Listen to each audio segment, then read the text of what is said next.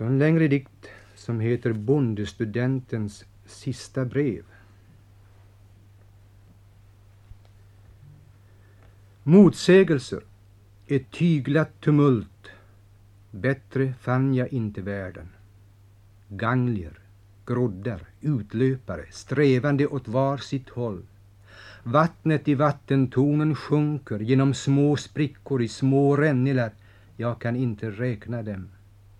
Lutande vägvisare finns här många. Korsvägar, två, tre steg, strax är man framme vid en ny. Från mitt fönster ser jag sockenkyrkorna på slätten, dessa felkonstruerade, överkalkade raketer. Våra lärare motsäger varandra. Jag fattade inte, mor. Mot rikemansbarnen känner jag ingen avund längre. Guldtränsar botar ej andnöd, det har jag lärt mig. Planschen av Guds fattige spelman har jag likaledes ställt undan. Till sparvarna i Assisi vill jag ropa. Flyg österut. Flyg ofördröjligen österut till limstickorna i Bengalen där svår hungersnöd råder. Den övermätte predikar måttfullhet för den utmärglade. Vit man torterar svart man. Hustrun som år efter år suttit böjd över en vagga fylld med tårar möter i doktorns väntrum kokotten som glad i sin krokodilskinnsväska bär en styckad människoson. Sådan är världen, mor. Gud mal de olyckliga mellan tänderna som kiselstenar, övande sig i tystnadens vältalighet.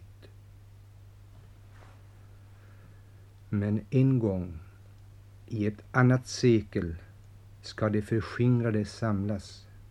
Åt alla ska skänkas lika.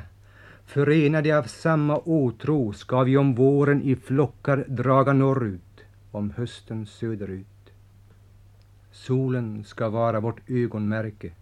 Det skarpa middagsljuset ska inte längre plåga mig. Jag anklagar inte er, kära föräldrar. Jag anklagar inte mina lärare. Tanken på döden har försinkat mina studier och fördystrat mina ferier. Människans liv är som en lärostund mellan två vågor och njuta ska man också. Det var en professor i Amerika, Albert Einstein. Honom tänkte jag rådfråga.